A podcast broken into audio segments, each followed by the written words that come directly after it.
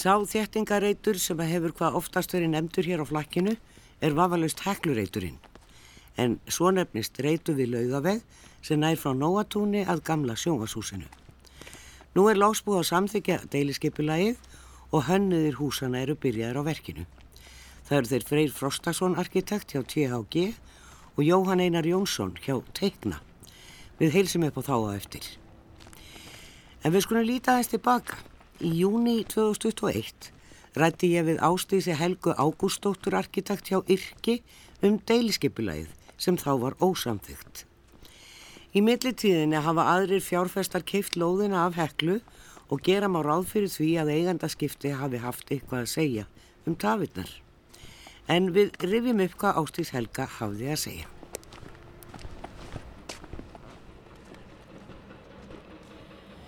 Borgarlína ræðu miklum hvar og hvernig borgin þjættist á næstu árum. Til að standa undir rekstri borgarlínunar er nöðsilegt að aðgengi að henni verði nálagt íbúðarhúsum þannig að möguleikar íbúa til nótkunar þjónustunnar nýtist og að íbúar sjáu kostin við að taka strætó frekar en að nota engabíl. Það hefur tekið nokkuð langan tíma að skipulegja heklureitin og margt kemur til í því sambandi.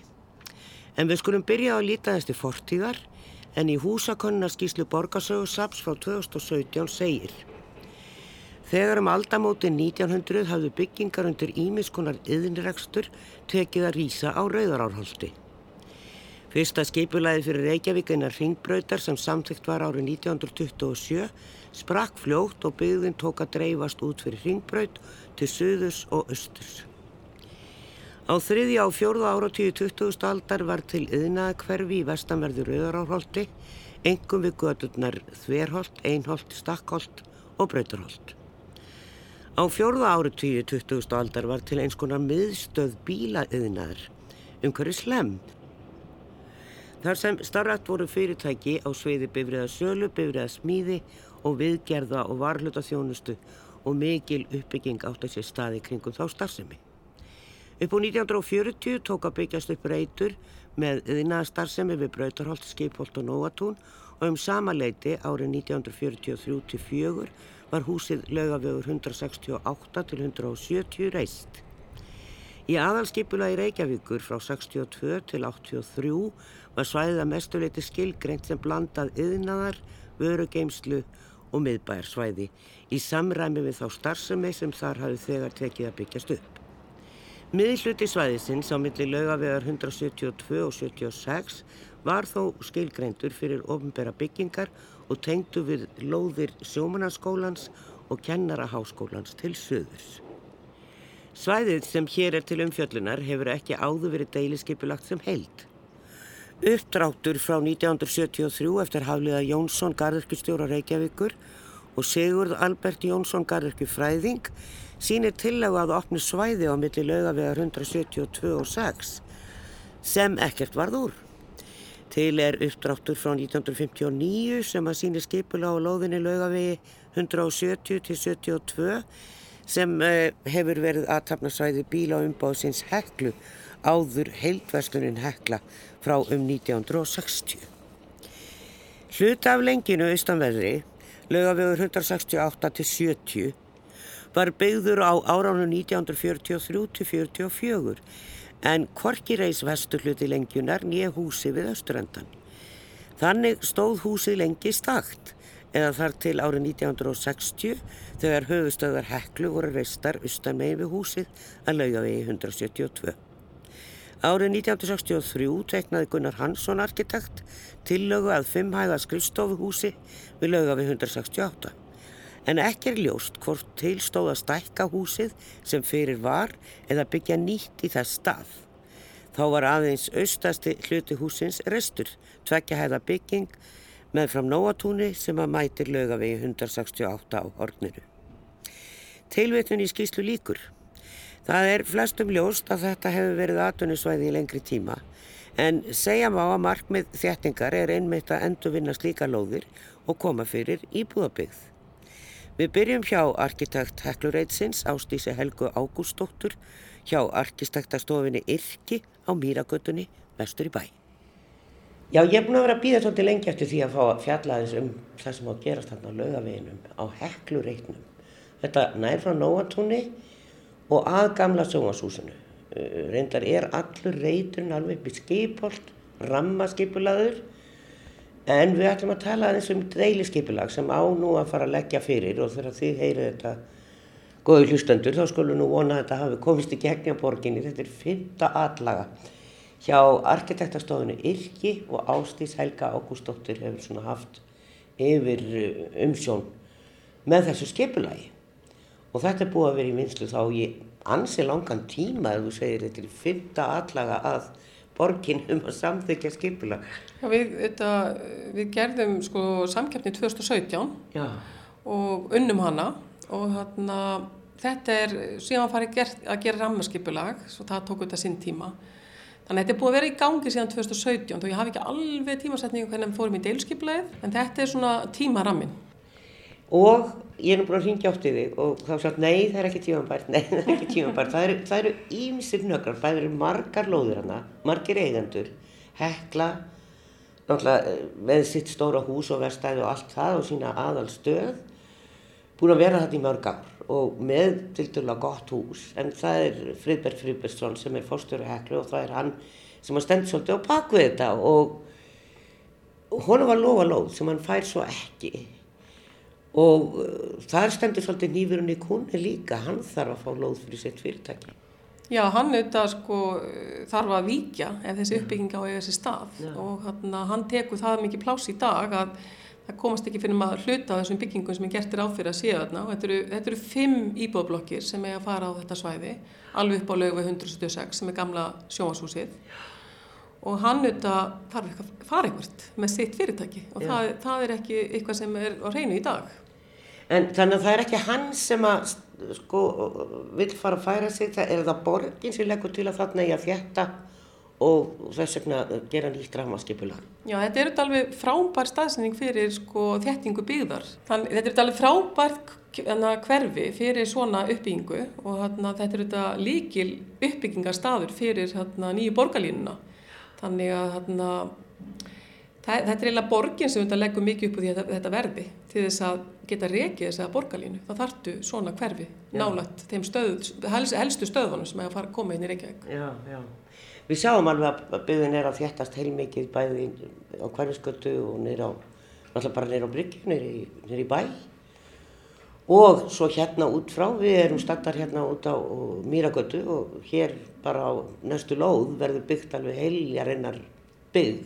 En samt er borgarlínan valla komin hinga út eftir. Það verður ekki fyrir nýjum setna áfanga, mér skilst. Jú, það, það er rétt sko, að þarna, en þetta er þetta til þess að draga úr notkunin á bíl, bílunum, að það fólk sé nærri svona hvort öðru og skapa þá líka svona þannig umhverfi að fólk getur hugsað að búa líka í Reykjavík. Og þarna, en þá þarf líka að tryggja það að þessi þjónusta nálagt þessu nýjum kjörnum sem er að rísa og það er eins og í þessu heklureita verkefni, þá er gert ráð fyrir því að þessi þjónusta á neðstahæðinni, þannig að þú kemur heim með borgarlínunni, þá kemur það einhverju torki sem tekur vel á móti þér og síðan getur þú fara að kaupa þér kannski kvöldmatinn og svo bara ferði í íbúðinina. Þannig að þetta er svona konseptið við borgarlínuna. Eh, Það sé maturubúðir og það eru svo sem maturubúðir þarna rétt hjá, það er ekki það, í skipholti er stór bónusbúð og eins og nýjasta. Þetta eru 1, 2, 3, 4, 5 svona flekar byggt í ferhending.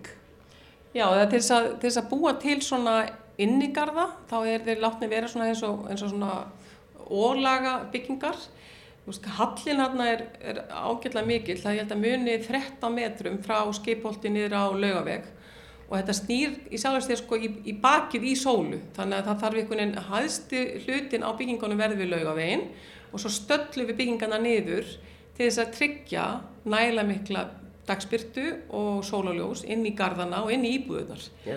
og við ætlum að nýta húsþökin mjög vel og vera með líka sameiginlega útivistasvæði á þökunum fyrir fólkið. Það er bæði svalir en svo verður líka sameiginlega rými til að tryggja það að fólk hafi nægilega mikið af rýmum sem eru þá sól á. Það er náttúrulega þetta hotn sem að margir þekkja hotnið á Nóatún og Laugavegi. þar eh, er svona kassahús sem leit nú allt í lagi út fyrir einhverjum árum síðan en það hefur ekki verið hreift við í fleiri, fleiri ára og það hanga þarna gardínur og samt eru nú einhver fyrirtæki hérna en þá ekki tímið að vera að listamenn eru kannski að leia þarna fyrir lítið pening eða, eða eitthvað slíkt en þetta er náttúrulega, hefur fengið að drabbast niður hotna og fyrir ofmært húskaffi gamla þannig að byrjaði að laga þar og, og einhverja framkvæmdi byrjaði þar en þetta er náttúrulega sko óforsvaranlegt í rauninni í borginni að fús fái að að drabbast hreinlega svona niður af því að það er einhver áætlun innan tíu ára eða eitthvað sem að, eitthvað á að gerast. Já, hins vegar sko byggingin sem er hérna á hotninu og lögavegin óvötunni, þetta er svona svolítið langt aftur í tíma sem þetta hús hefur nú kannski fengið að svona, ekki, ekki, það verður aldrei klárað, það standur þetta ennþá upp úr þakkinu þarna jástikki. Þannig að það er kannski aðeins lengra aftur í tíman með það. En það sem er ákveðið með að það áverður svolítið svona hotnhús og það má fara alveg upp í áttahæðir við lögavegin. Það er eina húsið sem á að fara upp í áttahæðir. Hinn húsin eru með maks sjöhæðir og það er valfrjálst með þessa byggingu sem er á hotnunu hvort það verði sko íbóbygging eða hótelbygging. Þannig að það er svona valfrjálst fyrir þann aðalega sem kemur að þessum frænkvöndum að gera hvort heldur. En það er ekkert komið en hver allar að framkvæma þarna? Nei, en sko Friðbert Friðbertsson sem er forstjóri Heklu, hann hefur um þetta alltaf að segja í dag en ég hef ekki heyrt hver allar hann að framkvæma, hvort hann allar að gera það sjálfur eða hvort hann allar sér láta einhver aðra að gera það og selja þetta, ég hef bara ekki upplýsingar um það. Já, en hvað var svona vandamála því þú segir þér að fara með þetta í fymta sinn gegnum borgina? Hvað er það sem að hefur eh, sem sagt, þið fáðu þetta alltaf aftur tilbaka þurfa að gera eitthvað meira hefur þetta breyst mjög mikið á leiðinni? Ég sjálfur sér ekki, þá hefur þetta ekki, nei, það, það er eiginlega, lendingin er að vera svo að þetta er nákvæmlega eins og það var gert í byrjun.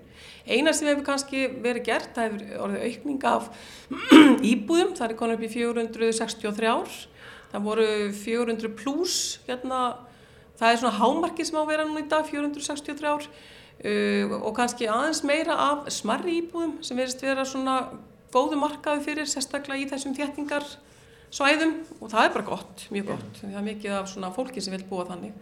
Þannig sjálfur sér, nei, við höfum ekki breytt byggingunum neitt, við höfum ekki breytt gæðanum sem vorum við uppröðanlega. Það er bara íminnstilt annað sem hefur átt sér stáðuleginni, stundum átt að sleppa einni blokkinni eða, eða greisa eitthvað annað. Þetta er svona búið að velta svona fram og tilbaka með þessa hugmyndir. En sem betur fyrr, þá erum við bara enda á samastað við byrjum á. Það er bara gott. Já, það verður gaman ástíðs að við getum kýrt að þessi áræðin því að þá upplifum maður svona meira hvað við verðum að pæli í.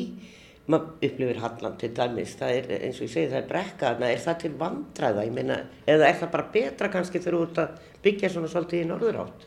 Það er, nei, það er náttúrulega betra að hún er snúi hinn áttina upp á sólinn að gera, þannig að þetta er heilmikið svona áskorun að reyna að leysa þessi, þessi atrið sem skipta miklu máli varandi líðhelsu fólks. Og það er nú með 1, 2 og 3, er þetta bara sólinn og svo dagspyrtan skjóli reynda, það, það er ekkert mál með það með þennan halla en það er, það er byrtan á sólinn og það, er, það var mikið áskorun að leysa það. Mm. og það, ég held að það tekist ákveðla Það er eh, skín sól í dag en það er ískallt eins og er á Íslandi þessa dagana og, en eh, nokkuð bjart en það blæs svolítið. Við skulum sjá hvernig okkur líður hann upp frá. Já.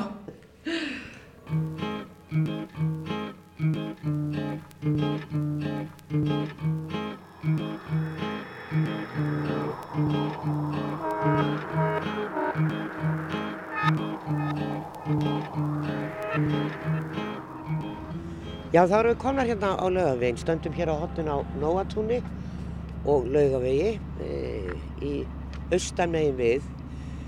Hér er náttúrulega slatta fyrirtækjum, hér er eitthvað sem heitir Hárbær og smurbröðstofa þarna, sé ég, Varmi HF, ég veit ekki hvað það er. Og svo eru greinilega einhverja vinnustofur í þessu aðalega húsi hérna á hotnunu. En það er sjálfsagt ágætt inni en þetta er orðið hræðilegt að undan. Og þetta eru svona bönnsins tíma þessar byggingar hérna og þetta gráa hérna sem er svona lengja bara tveimur hæðum. Já þetta er hvað alltaf verið í þessu húsi hér? Upprunlega bílastæði eða bílaverstæði eða eitthvað? Já hugmyndi var auðvitað á þessum reyti svona upprunlega. Þetta væri sko atvinnustarðsemi og þjónustar sem fylgir því og mikið af því voru sem snýrast að bílunum, bílavestæði og þess aftar sem þetta var framtíðin hérna áður fyrr þannig að Já. nú er bara að vera virkileg breyting á þessu reit Já, til þess sem við viljum gera í dag. Nákvæmlega, og svo er það svona typist í, Reykjavík. Það eru lóðir og menn eiga sikkur á lóðina og maður er gangandi, það er bara einhvern veginn aldrei gert ráð fyrir að fólk sé gangandi hérna. Þá kemur svona múr. Og Ég meina til hvers er þessi múr? Hann er svona hvað? Hálfu metri? En svolítið sko erfitt fyrir fullotna kona að fara að klangast yfir í telnum gömum hún er á háum hælum og ætlar að smurpa stofuna. Það hefði bara verið að tryggja sína eigin lóð, tryggja hvað þú átt. Já, Þetta, þetta var mjög ríkt hérna áður fyrir en núna á þetta að renna miklu meira saman. Þetta á eins og þessar íbablokkar sem koma núna, það er ekki þar með þetta einni, mun eigaðar allar heldur, mögulega er þetta bara, verður þetta nokkrir aðalega sem koma aðeins og þá er samt þetta flæði á milli þessar íbablokkar sem verða hérna. Flæðið milli allar garðana og það er tryggt, algjörlega örugt fyrir gangandi og hjólandi. Þetta er alltaf bara allstæðar hérna upp í múlunum og annað þá eru þessar lóðir meira og minna afgiftar. Ég gekk ármúlan um daginn og maður er stöðut að beigja inn og beigja út og beigja inn og beigja út af því að það er bara, eh, það eru gangstjættar við húsin en það er enda alltaf út á einhverju keislu og svona múrum og maður þurft að beigja aftur út, nánast út á götu og aftur inn. Þannig að þe- þetta er svolítið skrítið að, að að svona, já, að merkja sér svona, þetta er eins og bara hundur að pissa. Ég, ma, sko, málið, það var þetta, svona, þetta hefur alltaf verið svolítið bílaborg. Við hefum svolítið hort kannski til skipilagsins frá bandarækjónum. Svona upprunalega var alltaf hugsað að bara stækka Reykjavík og þá eru þetta bara þurftu bílarnir að komast fyrir. Ekki gangandi vegfyrendur. Nei, En nú sem betur fer og það sem fólki kannski er spennt fyrir í dag og sérlega ung fólk, nú verður hugsað meira um gangandi og hjólandi og minna um bílinn. Og þá flæðir þetta miklu betur, þá verður þetta miklu mannskilega borgarland. Má alveg segja það? já, við skulum alltaf að setja áfram, við skulum sjá hvort þessi múr nái alveg upp að húsinu. Nei. Nei, við komumst hérna, það er gangstjætt. Að gamla konan á háu hælunum á leiði smjörbröðstofuna kæmist hér. En e, þetta er náttúrulega fyrirtæki sem að, sem að hverfa. Með, með tíð og tíma, þetta verður, þau verður rifin þessi hús. Jú, þessi húsferðarifin hérna, öll sem öll, það er, það er svona hugmyndin á bakvið þetta, þessi uppbyggingu hér. Já, En þess að verður gert ráð fyrir þjónustu á neðstu hæðum. Það er alveg skilist, sérstaklega sem snýra laugaveginum. Það er optional, þetta það snýra uh, brautróltinu, en það sem snýra laugaveginum þá þarf neðsta hæðin að vera fyrir einhvers konar þjónustu, þá vestlun og þess aftar, veitingastæði og svona sem fólki getur farið að njóta. Þannig að smjörbröðstofa Silvíu gæti komið aftur hérna. Aldeilis, aldeilis. Já, við skulum fara hérna aðeins nýður á stæði því að við erum komin að hekluhúsinu og uh, þetta er náttúrulega gríðarlega bygging og byrju er það ekki tvær hérna, líka næsta hús er það ekki líka þetta er Galaxy Hostel, já Já, hérna, hérna, þetta er þetta hekluhúsið. Já, og, og hér er eitthvað Mitsubishi Motors Já, þetta er hérna eitthvað annað. Já en þetta er, já, Þetta á alltaf að fara. Þetta var alltaf fara. Nákvæmlega. En sko, manni finnst, uh, maður, svona í nútímanum, þá er nú menn að hugsa um nýtingu og endurnýtingu og það er ákveðin sóun að rýfa hús til þess að koma öðru húsi fyrir sem að í báðum tilfellum eru kannski steinsteift. Það er ekki mjög vistvænt. Nei, það er alveg rétt, en hérna, eins og hekluhúsi, það er þetta ágjöðu standið þetta hús og ekkert, ek- held ég ekkert, altså ég veit að sé neitt að því, sko. Nei, En suma þessu húsum eru nú komin til ára sinna, þannig að það er svona spurning hvort að við heldur þetta ekki dýrara heldur en að, að rífa það. En, hérna, en þetta er þetta bara breytinga á borginni, þá er fara að þjætta byggð og þá þetta þarf eitthvað að viki í staðin til að Já. tryggja það að þetta samgöngukerfi sem er að koma beri sig. skulum horfa hérna aðeins upp eftir. Nú, sko, sjáum við hér að það er þetta hús sem hérna fyrir ofan. Við erum komið svona hérna á lóð sem er eh, vestamegin við hekluhúsið og milli hérna Mitsubishi. Þarna er Láres bygging sem er upp í Brautarholti. Þetta, er, þetta hverfur. Þetta er, já, þetta er hverfur, þetta er endar er bygging sem er í, hérna, það er með þetta í hverfisvend á sér, hluta þessari byggingu, Já, en hérna, og tekið svona, uh, basist tíma sem stýrað svona bíla, uh, þú veist, uh, byggingastíl og þetta er svona, en það mun líka vikja, sko, það mun gera það. já, En það sem sér líka hér er þetta rosalega mikla steipa og malbygg og stjættar já, og þetta er ekki mjög praktist í dag, vatnið sko þegar rignir mikið og, eða leysir mikið snjó, þá hefur kerfið ekki undan, þannig að í byggðinni hérna fyrir neðan, í litlu sætu byggingunum hérna fyrir neðan, þá flæðist undum upp úr, upp úr hérna ræsanum þar. Í túnanum þá, í Já. smáhúsa Já, byggðinu já. þar. Þannig að það sem er núna á að gerast við þetta líka er að tryggja það að flæði vass í rigningu og aflýsið þegar snjórun er að lesa, að það fari hægar inn í kerfið. Það er þetta svona, það er svona stefnan. Þá mun draga úr svona vandamálinn sem er hérna í hverfinu fyrir nýðan. Tölum um ofanvarslausnir. Já, það er það sem á að tryggja. Já, það, já, þú veist, vera já. með nægilega mikið af því í gö- görðunum og jafnvel á þökunum líka þannig að allt flæði á vatninu verði miklu hægara og jafnvel að nýta það í, veist, í til að vökva grassið og þess aftar. Já, já. En þú sagðir frá því líka þegar þú voru nýra á stofi hjá þér að það eruðu göngulegðir hér á milli Já, húsa og þessara eh, blokka sem að verða. Til dæmis hér eða erum við á einhverjum slíkum stað hér núna? það er eiginlega milli allra blokkana kemur svona gönguleið. Það er þess að tveir svona mjög sterkir ásar, sérstaklega eitt sem kemur frá torginu sem er frá hann laugasvið 106 sem Já. er torgi sem er beint við frá hann stoppustöðuna fyrir borgarlínuna. Það er ás sem að tengi við hérna upp á holtið og, hérna, en, og svo er gert ráð fyrir, fyrir, hérna, frá, fyrir ofan þessa byggð. Það verður svona fallegur göngu ás sem tengir alla byggðina Já. frá Brauturholti og alveg til enda að Bólholti. Já, sem sagt frá Nóatúninu og alveg. Já, já, einmitt, hárrétt. Ofan við byggðina. Já, Ég skil og, og það er þá í raunin á milli því að það verður alveg byggt upp í brautarhald. Það er, það er slatt af húsum sem að hverfa þar líka. já það, Brauturholti er bara gert ráð fyrir það. Það, það er alltaf hús hérna Já, við Brauturholtið og frá Nóatúni, það, þau, fara til að koma svo fyrir. já, Þannig að það myndar svona breyður göngustígur sem, sem gengur í gegnum hverfið alveg upp af Bólholti. Svo lifandi ás. já, akkurat. Þetta er, en nú er Hekla hér og hann fekk ekki lóðina sem hann átti von á, fórstöri Heklu. Og þannig að þetta, og svona með við hvað þetta hefur nú tekið langan tíma í skipulagningu, þetta er ekkert alveg á leiðinni. Nei, þetta mun alveg pottið taka sinn tíma. Það, Já, En það gæti farið að stað hérna við Nóatúni, fyrstu blokkinnar, það er alveg mögulega það mun ég bara keira, keira sér að stað strax. já, og við, það er kannski sá staður við göttuna sem að, Líku best á. já, nákvæmlega, nákvæmlega. En Hekla þarf þetta að vera ykkur staðar, þannig að það spurning hvað hún gerir, eða Friðbert gerir varandi Já, starfseminna hér. nákvæmlega, og enn erum við, þetta svaka, erum við enn á hekluhúsinu. Já, þetta er Þetta græ, græni ingangur, það er líka hekla. Já, já, já. Skóta og, já, jú, jú. Þannig að þetta er gríðastór bygging Og svo kemur bílastæði hérna við endan. og þá erum við, hvað, hvað erum við komið langt á? Er, er þetta síðasta húsið eða er líka næsta hús sem Nei, nei, það, lögum 176, það verður, það verður ekki rifið, það verður byggt bara við það og nýtt fyrir hérna hótel. Þannig að það er, þessi, þessi, það, það þarf að passa upp á þetta útlitt, haldið sér. Þetta er svona heilstað gödumynd hérna frá lögum 176 og upp að bólholti Já. og upp á skipholti. Þetta er svona, það þarf að tryggja það að þetta haldið sér áfram svolítið í þessari mynd sem það er í. Þetta er svona talin vera svona ágætlega heilstætt útlitt. Hér er alltaf gríðastór bílastæði, Já, en það kemur bílakjallari undir allt hér. já, bílkjallandur allt. Það er, það er, þó við vitum að það auki kostnað við allar í, við íbúðaböð að setja bílakjallarana, þá er það nú skemmtilegra heldur en að hafa svona.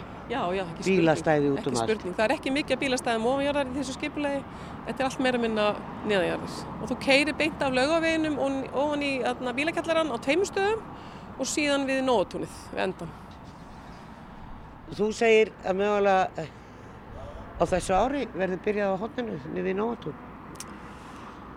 Það sem betur við þar ég ekki sjá um þess að framkvæmd en, en það, er alveg, alveg það, já, ég er kannski ekki, jú, það geta allt gerst, hvað veit maður? já. En, en segðu mér kannski svo í lokin, það er að því að við erum að fara, sko, eins og ég segi, það er ákveðið sóun í að rífa þetta hús, sama hvað maður segja um það, þá, þetta er heilt hús og þetta er risastórt, Já, já. þetta eru fleiri hundru fermetrar, Mm þúsund eitthvað. Og hver metur, sko, að því þú segir, það getur verið hagstæðir heldur en við, viðhald að rífa það og byggja nýtt. Það er alltaf viðhald, öll hús, líka nýja húsi sem kemur. þannig að það, hérna, það, maður missir ekkert af því, en hérna, hver metur slíkt? Er það verkfræðistofur eða er það bara eigandi sem segir ég rífi þetta bara? Sko eigandin veit alveg hvað hann er að tala um, hann er búin að reikna þetta fram og tilbaka. Já. En uppbyggingi þarf auðvitað að vera þannig að þetta standi undir kostnaðinum á öllu sem hann þarf að gera við að Já. rífa húsin í burtu og byggja upp á nýtt. Þannig að þetta er ágætlega kostnaðsamt þegar það taka svona hús í burtu. En það er líka ansi kostnæðasamt þegar við horfum hér inn um gluggana og hér eru bara stóri salir sem að geima bíla. Það væri dýrt að innrætta þetta allt upp á nýtt sem einhverjar íbúðir hérna fyrir ofan og mögulega byggja hæðvana og er það hægt? Ég hugsa að þetta dýrar að að fara í það heldur en að rífa það sko á lokum. Já. Það er líka ekki gott að byggja ofan á þetta hús, það er bara að byggja á hluta. Þetta er ekki hús sem ber uppbyggingu, það er út af bara björðhólinu. Það er bara aftar hlutin sem það noti í það. Já. Þannig að það segir sér líka sjálft að hér var ekkert að hafa miklu uppbyggingu út frá því. En þá er spurningum að hafa þetta bara aðeins minna. er það ekki? Ég meina þetta er alltaf eigandi sem tekur ákvörðinu þetta, ekki arkitektur. En, en eh, þú veist, við þurfum kannski aðeins að hugsa það líka, ok, við erum með þetta stóra hús, það er dýrt að rífa það og byggja, það er dýrt að gera það upp og breyta því íbúðir, þannig að þetta er svona vogaskálar sem að eigandi þarf að Já, já, já, já, svo líka er þetta bara líka vilji borgarina, þeir vilja þjætta byggð og þeir hafa áhuga að byggja mikið af smarri íbúðum líka til þess að, eins og ég hef sagt áður, það þarf að reka þessa borgarlínu og það tekst ekki nema að gera þetta svona. Þetta er ábyggilega mjög vinsælt svar fyrir þá sem er á móti borgarlínunni. En e, við skulum nú vona að hún komi og komi sem fyrst, Já, þó að sé nú svolítið í það. En e, og það verður svolítið öðru þessu umhórs hér aldeilis. innan, já, sem segja, fimm, fimm ára. Já, vonandi verður þetta bara mjög mannskilegt og fólk líði vel hérna. Ég held að það sé alveg hægt að gera það. Sagði Ástís Helga Ágústóttur arkitekt og deiliskeipulagshöfundur Heklureits í fyrra. Nú er svo komið að því að hefja framkvæmdir á fyrsta hluta og við skulum heilsa upp á arkitektana sem sinna því og förum á teknistofu THG í Faxafeni. Já, góði hlustandur, nú erum við loksins að fara að fjallum blessaðan Heklureitin sem að ég hef nú oft nefnt í flakkinu en uh, við komumst aldrei áfram með það. Er búið að taka sinn tíma að skipulegja þennan reit en það er hann gríðastór, fjöldin allur á íbúðum og það er eins gott að vanda vel til versins og það er svona ímislega gaggrinni komið en hvað fólk er að gaggrína það er eitthvað sem hefur verið skrifað á blað. Þetta verður háreist byggð og þannig verður fjöldi íbúða og þetta er innan skipulagsstefnu borgarinnar um að byggja þjætt við borgarlínu þannig að hún fungeri sem ykkur kostur fyrir fólk skilja bílinn eftir heima og taka strætó. E, nú er það svo að það eru tvær stofur, Teikna og e, THG sem eru hannunar aðilar að þessum reit og síðan er deiliskeipulaðið í handum yrki. E, það, er, það var nú aðalega það sem var verið að býða eftir og það er svo sem hönnuðnir fá bara verkefni í endurna þegar búið er að eh, samþykja deiliskepulag þannig það er svo sem ekkert um það að ræða við þessa pilta hér sem er Frey Frostason hjá G&G og Jóhann Einar Jónsson hjá Teikna. Já þið, þið eru svona tveir með þetta, ég veit ekki, upphafið þeir í þínum höndum eða hvað Freyr að hönnunni Já, sko, ég raun og verið þá er þetta algjört samvinnuverkefni millir okkar Jóhans og, og, og við vorum semst ránið svona saman að koma að þessu, þetta er gríðala stórt, þetta eru ykkur 450 íbúðir og að vísu er þetta áfangaskipt en, en við höfum svona verið að vinna sammeilega að ákveðni hugmyndafræði fyrir svæðið og ákveðni frumhönnun sem hefur verið nú samþygt af skipulænu sem byggingaráform fyrir reit A og B. Þannig að og það er fyrsti áfangi verkefnisins og, og svo mun Jóhann taka við þessu svona og ég feita rólega út þannig að hérna hann er raun og verið aðalhönnur en við höfum verið að vinna þessa hugmyndafræði svona, svona í bara góðri samvinnu undarfarta mánuði. Já. og hver er hugmyndafræðin? Hu- Hugmyndafræðin er að, að húsin eru hæst upp við laugaveginn og stallast nýður á móti sól inn, nýður að brauturholtinu þannig að við fáum hérna byrtu byrtu og, og þaksvalir og, og, og mikla byrtu inn í sem allra flestar íbúðir það er svona stóru þátturinn í, í hugmyndafræðinni Já, og þetta er náttúrulega eit- eitthvað sem kemur úr deiliskipulas er, er hluti af deiliskipulaginu sjálfu og nú erum við þá bara að máta inn og, og, og, og púsa saman íbúðartýpur á mismöndi stærðum inn í þetta deilskipulag. Þetta er náttúrulega, þetta hallar í norður. Nú stendur þessi hæsta byggð við lögavinn og, og, það er mjög gott rými norðan við þessa byggð fyrir, og það var náttúrulega búið að stúdera skuggavarp og fleira í deiliskypulasvinnunni þannig að við höfum kannski ekki beint áhyggjur af því og, og náttúrulega framhald af þessum reyt er sögulasbrautin sem er bísna há við, við hérna sögulasbrautina sjálfa þannig að það má segja að það er verið að taka þann kvarða inn í, inn í, inn í þessa hönnun og þetta skipulag strax frá upphafi. En uh, það er ákveðin fjölbreytilegi sem að er líka hluta þessari hugmyndafræði að það er þessi gödulísi snýr að lögaveginn þar sem verða vestlun og þjónust á jarðhæð og, og þar fyrir hún eru íbúðir. En svo þessi snýra brautarholtunum þar verður ger ólíku karakter. Þar eru með tveggja þryggja hæða íbúði, íbúðahús sem að verða meira í takti við svona townhouse sko útlýtt þannig að það er það sem við erum að vinna akkurat í þessu tölu orðum við Jóhann. Það er að útfara það vel og svo eru þetta sund á milli reytana sem eru þarf að, að, vinna vel og þar verða svona hvað maður að segja, græna byggingar. Þarna verður þá svona klif, klifurjörtir og fleira og ákveð landslag sem að mun, mun halda áfram upp byggingarna þannig að það má segja sko hvert hús hafi sitt engin og hverju hlið. Þetta er ekki bara ein, einsleiti kuppar En það sem að er náttúrulega á, á laugaveginum alveg frá, þetta er allt saman einhver fyrirtæki og það er tvöföld gata í rauninni, það eru bílastæði fyrir framann alla byggingar í tvær áttur, bæði upp að byggðinni og snýrað götunni. Og þarna verður áfram vestlun og þjónusta og, og er það hugsað svona bara megin þörf fyrir íbúana eða það eru kannski einhverju aðri sem þurfa að sækja þessar vestlanir, er, eru bílastæði? Auðvitað eru ykkur bílastæði, þarna náttúrulega á löguðunum liggur borgarlínu gatan sjálf, þannig að hérna það er þrengra fyrir bílana begja megin það eru bílastæði þarna meðfram en það eru ekki svona hefbundnir bílastæða vasar heldur fær einmitt mannlífið að meira pláss fyrir framann þetta verslunarími og ég myndi segja að þetta er náttúrulega bæði þjónusta fyrir, fyrir íbúðan í þessum húsum og íbúðana í nágrenninu en þetta er náttúrulega líka fyrir fólk sem er að koma inn í bæin og margir vinnustæðir í nágrenninu og Það er þarna hús á hotnunum sem getur fengið verðlun í borginni, ljótasta húsið í Reykjavík eða söpbulegasta, hvað er maður að segja, hotnun á Nóatúni ja, ja. og, og lögavið. Það er allt farið úr því húsi en það hefur alltaf verið einhver starfsemlegar. Síðast var það brúðakjólarlega í þessu röðlega húsi og það verður rosalega kostur að missa það. Síðan er þetta bara lárið spið þarna fremst uh, í austur átt eftir lögaveginum og bara svona eiginlega bara ein hæð þar eru svona nokkuð lítil fyrirtæki sem að gætu svo sem komið inn á þessa neðstu hæður, geti ímynda mér. En ertu með myndir af því sem að gerist alltaf í brautarhaldinu? Já, við, við, það er svona ég, ég veit nú aðeins koma, maður koma örstuðt inn á ákveðna hluta okkar hugmyndafræði, það er að við erum í okkar útfæsluum að reyna að lengja líka þennan þessa upplifun á löguveinum, við erum eða á löguveinum og það er þetta 500 metrar kabli frá klem upp á þessu svæði sem að verður blómlega verslun og þjónustað hérna norða, sko, sunnan megin lögavægs og við erum að gera svolítið mikið úr því að reyna að skapa þar skjólgott verslunar og þjónustu umhverju fyrir gangandi og hjólandi sem sagt gesti og búa til torg syngur megin við reytin þannig að við erum að reyna að búa til þessi borgarými inn í okkar hönnu nú þegar. Þannig að það, bara það sé tekið fram. Það er svona verið aðeins að huga því.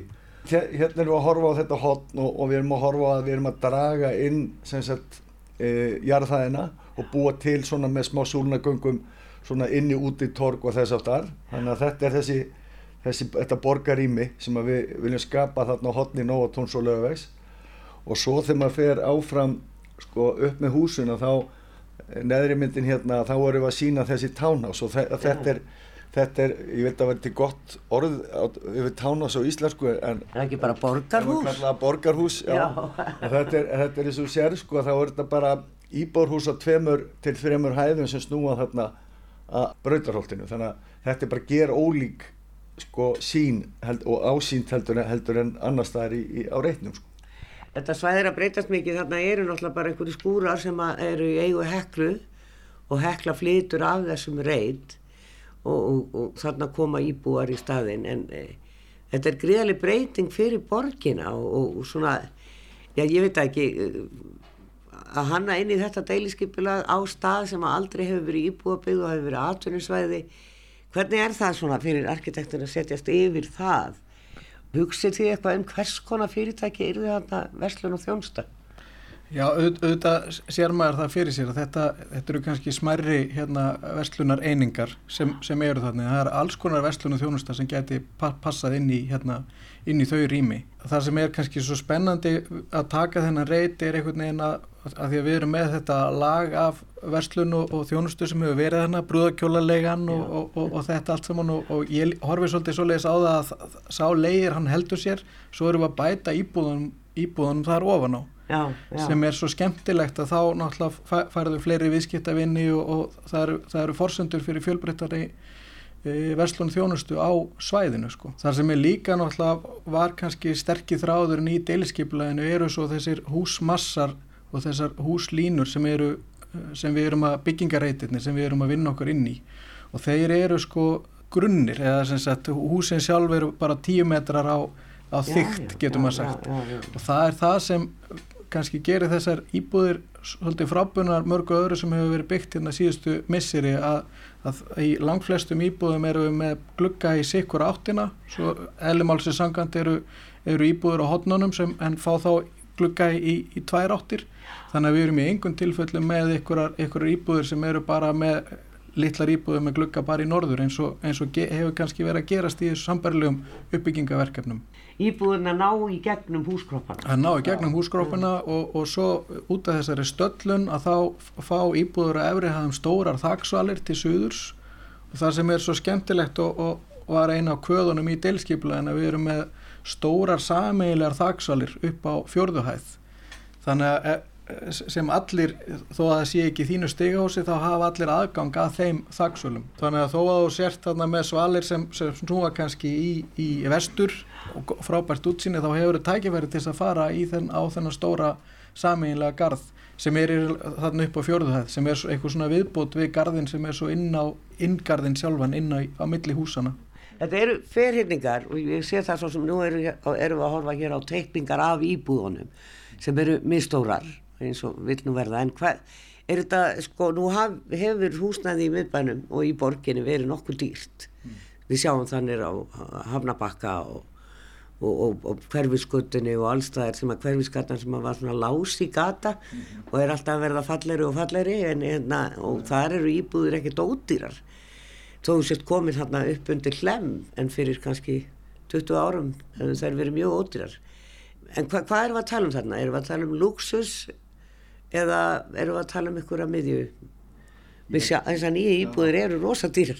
Ég held, ég held sko það er eiginlega, það er eiginlega svona bæði skipulæð eh, sko það krefst þess að það verði hérna mjög fjölbreytt stærða mix af íbúðum. Og í ofanulega þá höfum við eiginlega lagt út með það að hafa líka fjölbreytileika í gæðum og kostnæði þar að leiða þetta Þannig að það er, eh, þú veist, þetta, þetta eru eh, byggingakroppar sem snúa í fjóra áttir og það er útsýnistátturinn, það er dagspyrtan, það er ákveðin gæða á svona mál sem að þarf að taka inn í þannig að augljóslega það verður verða mjög fjölbreyttar, myndi ég halda líka í verði ja. Eh, til að svara því. Þannig að ja. ég held að við séum nánast með alla flórunna, þannig að geta verið hagkvæmar íbúðir, fyrir, nánast fyrir alla og það eru íbúðir bæði fyrir einstakling og pör og fyrir, fyrir stærri fjölskyldur og, og svo verða íbúðir hérna líka sem að verða örgla í, í herri kantinum ja. með útsinni til, til, hérna, til sjáar og til lesju á, á hérna, norðamegin. Þannig að það er svona verið að reyna held ég að, að, að hæfa sem flestum í, í, í þessari hönnun sko.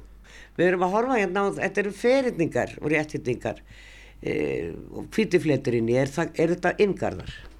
Já, það er, er yngarður þarna á í rauninni fyrstu hæð brauturhaldsmegin þar sem verð, þar, þar eru leiktæki og, og hérna gróðursvæði og, og þess áttar fyrir íbúana. Það er annað sem er, sem er skemmtilegt að þeir yngarðar eru í rauninni ingangurinn inn í stigahósin er það kvöðum sé í gegnum hennan yngarð. Já, þannig að þú ert ekki að koma af einhverju leðinda bílastæði. Nei, þannig að þú, þú lappar þarna inn í gegnum undirgöng, inn í yngarðin og þaðan inn í, íbúðirnar. Þa, þannig að þá eftir að gerast þannig að fólk er á, er á ferli og, og heilsast og mætist sko, öfugt við kannski Já, að, að það er allir, allir svona gamli stílar. bílastæðinu. Já, nákvæmlega, fólk fer út úr bílnum og inn um sína dyr og hittist aldrei, þannig að þetta svona kannski ítur undir það að þú kynnist nágrannaðinum.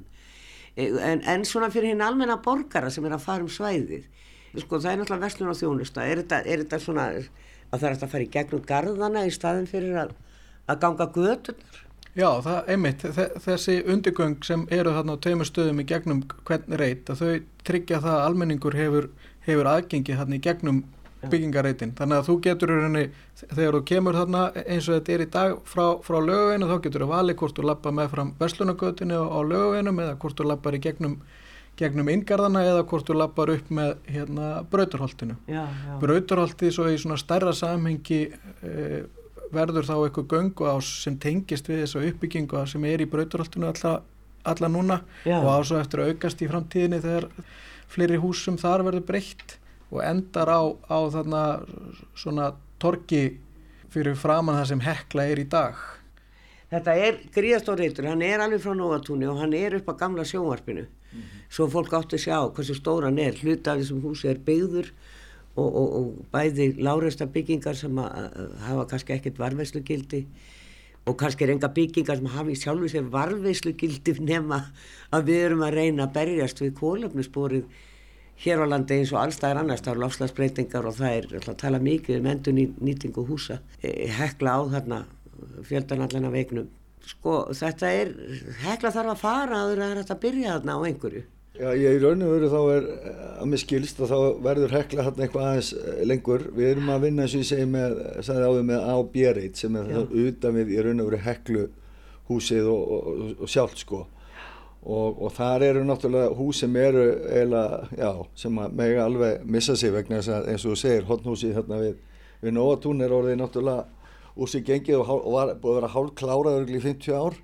ábyggilega lengur held ég. lengur, já. þetta Þannig- er alveg á að því að steikujafni stendur upp Já, úr já, svo er, svo er þetta eitthvað að skemmum og svona en, en, en hekluhúsið minn standi eitthvað aðeins lengur þá til að hekla minn flytja og finna sér, finna sér lóð annar staðar. Já. en það er se- seinni áfangi en við erum aðalega að fókusera á, á lóð A og B eins og er. Hann er alltaf búið að gera upp þóskaffi og breyta því í íbúðir og er bara, lítur bara vel út og það er búið að laga fjöldan allan af húsum í brautarholtinu frá skipholtinu eða, eða þverholtinu, ég maður ekki alveg viss hvar það byrjar. Og það er alltaf annað að sjá um leið og það er búið að taka eitthvað í gegn. Fjöldin allir á húsum þarna sem eru gömul, gömul eh, fyrirtæki og, og svona bara fó, hús sem hafi verið í eiginlega niðuníslu en það verður spennand að sjá þarna og hvenar heldur að það verður byrjað þarna á hodninu Já, við erum að, að, að vona að niðurif geti hafist fljótlega og, og frangandir svo á, á þessum fyrstu húsum eftir, eftir áramót. Það er svona bjart sínasta tímalínan. Við skulum kíkja hans þarna neyrir.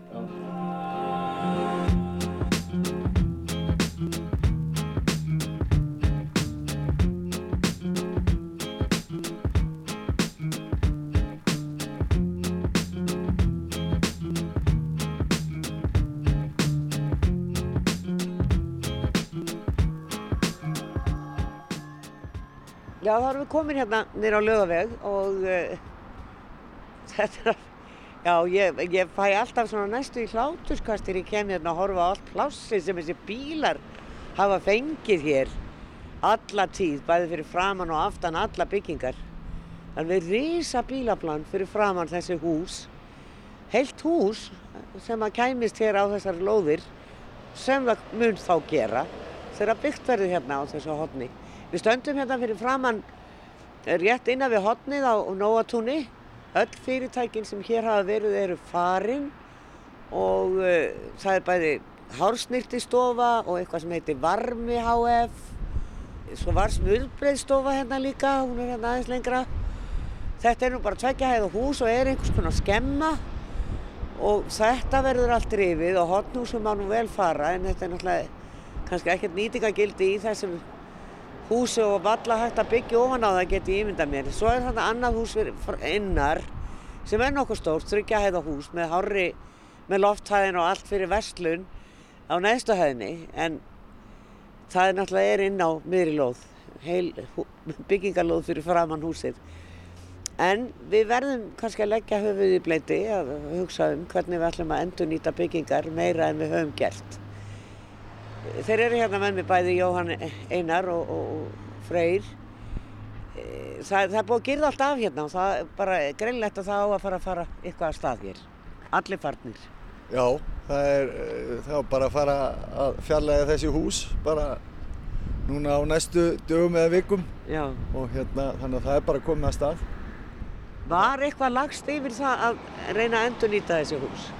Já, svo ákvörðum var náttúrulega komin í deiliskeipularsrammanum að, að húsin hefði í fyrsta legi ekki vendargildi og, og þar utan eru húshæðirnar og húsdýftirnar þess eðlis að það er erfitt að innrétta íbúðir í, í þeim. Þetta eru náttúrulega bílasalir á neðstu hæðunum sem eru þarna í, náttúrulega í hekluhúsunum sem er nú ekkert verið að fara í strax því að hekla þar nú að komast eitthvað áður en að það verður gert. En ég held líka að þetta hús hérna við hliðina hafi verið eitthvað galaxi eða eitthvað og það hafi verið bílar hann á neðstu hæðunum líka til sínið. En e, þannig að þetta fer og allir skúrarnir upp í brautarholti. Við erum svolítið forvindur um hvernig arkitektar er að hugsa um þetta í dag því að þetta er eitthvað sem við verðum að gera. Að, að svona pæla meira í því að endurnýta en ekki að rífa steipu til að koma með nýja steipu. Já, ég held að við báði sem alveg hlindi því að reyna að endurnýta húsi mest ef þau hafa notagildi og, og, og það sé hægt í raun og veru. Í, í þessu tilviki þá var hérna sett að ákveðin samkjöfni fyrir einhverjum áru síðan og, og þá vann einn tillaga sem að deiliskypulega er byggt á og þá var strax þá var tekinn ákvörðun um að fjarlæga öll þessi hús. Uh, nú voru þau öll og marg, marg hver náttúrulega hálfu ónýtt en sumur er líka bara komin á tíma og, og kostnaður við að endurgera sum hús getur verið meirinn að byggja nýtt plussa að nýtingin á lóðunum sem er, sem er náttúrulega gríðilega góð núna með við nýtt skipulag og hún hefði ekki orðið skoð með að halda mörgum þessum húsum. Já. Það er bara alveg á hreinu. Man sér það svo sem í hendi sér en e, já, já, maður verður bara svona að sætta sig við þetta mörgum sinnum að, að húsin verða að fara. Það hefur borðið ásólni gaggríni um þjættleika hérna. Man verður séð bladaskrif og á fésbókinu og svona fólk er þetta ekki allt og þjætt og fólk að heilsast á milli glugga og svona. E, hvað segir þið um það? Er, er mikil krafa hér um mikil þjættleika? Já, ég, ég hugsa nú að, að nýtingalhutalli sé nú bara svipað á, á öðrum reytum hérna í nágrenninu.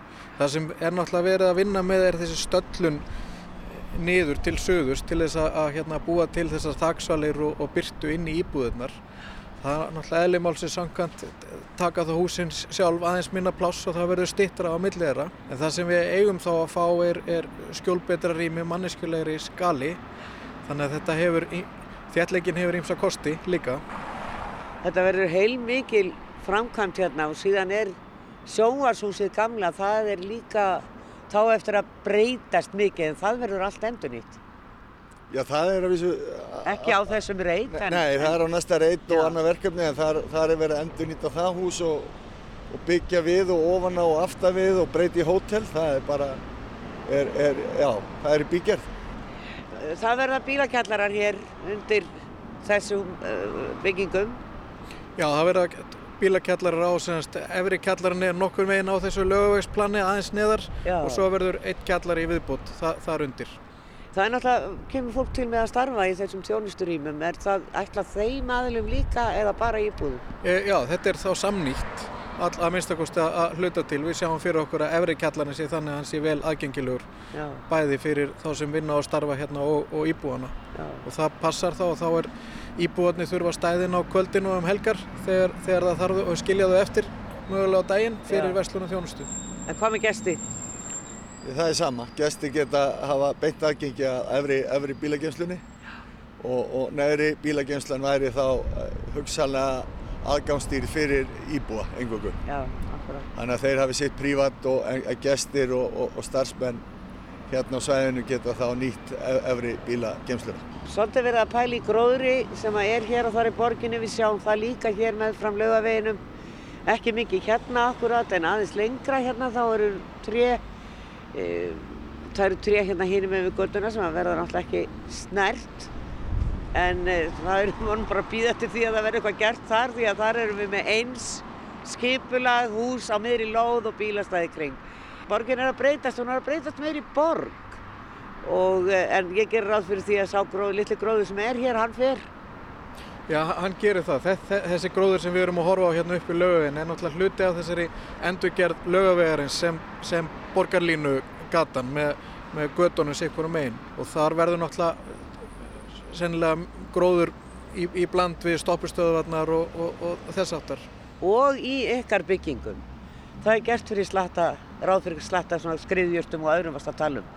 Já, við viljum koma með svolítið svona grænar áherslur í, í sundunum eða, eða milli húsana, milli reytana. Það er, er, er talsveit svona þröngt þar að milli og það er, eru gungulegðir í gegnum allt svæðið, norður til söðus, frá Brautarholti niður að löfi og þar er, viljum við vanda mjög til verka varandi yfirborðsfrágang og láta þá gróður ganga upp húsinn og búa til svona litla svona, þessi, svona græn göngi gegnum reytin. Það, það er er, er áherslu sem við erum með í, í, í okkar útfæslum. Það er verið að tala mikið um vottun, svona hér í lókun, svansvottun, bregamvottun, allt í sambandi við lofstafsbreytingar og kólöfnisspor og allt það og loftskipti í íbúðum. Er eitthvað þessu í þessu nýju byggð? Já, við erum að horfa á það að vera með loftskiptekerfi í, í að minnstakosti hluta íbúðana sem eigur gæði, gæði inn í íbúðana sjálfum. E, það hefur svo sem ekki verið tekin endalega ákvörðun um vottunna, vottunna sjálfa, hvort húsin verði vottuð eða ekki. En, en það kannski er ekki stóra atrið, aðalega, eru við að búa hérna til góðar og, og, og bjartar íbúðir. Og, og gerum ráð fyrir þessum gróðri utan á húsinu inn í inngörðunum svo erum við með þaggarðana þar sem verður gróður líka Já. þannig að ég held að þetta verði græn ásýnd að minnstakosti Aðgengi verður í lagi? Já, það, er, það verður í lagi og við, við erum strax byrjaði núna nú þegar í, í okkar frum hönnun er byrjað að skoða landslæshönnun og, og aðgengismál vegna þess að lóðirnar og reyturinn allur er í ákveðni ákveðnum halla norður til söðust þannig að það er strax byrjað að skoða það sögðu þeir Freyr Frostason, arkitekt hjá THG og Jóhann Einar Jónsson, arkitekt hjá Teigna. Og margt eftir enn enda 450 íbúðir en gott að framkvæmdi sig hafnar á hekluritnum. Verðið sæl.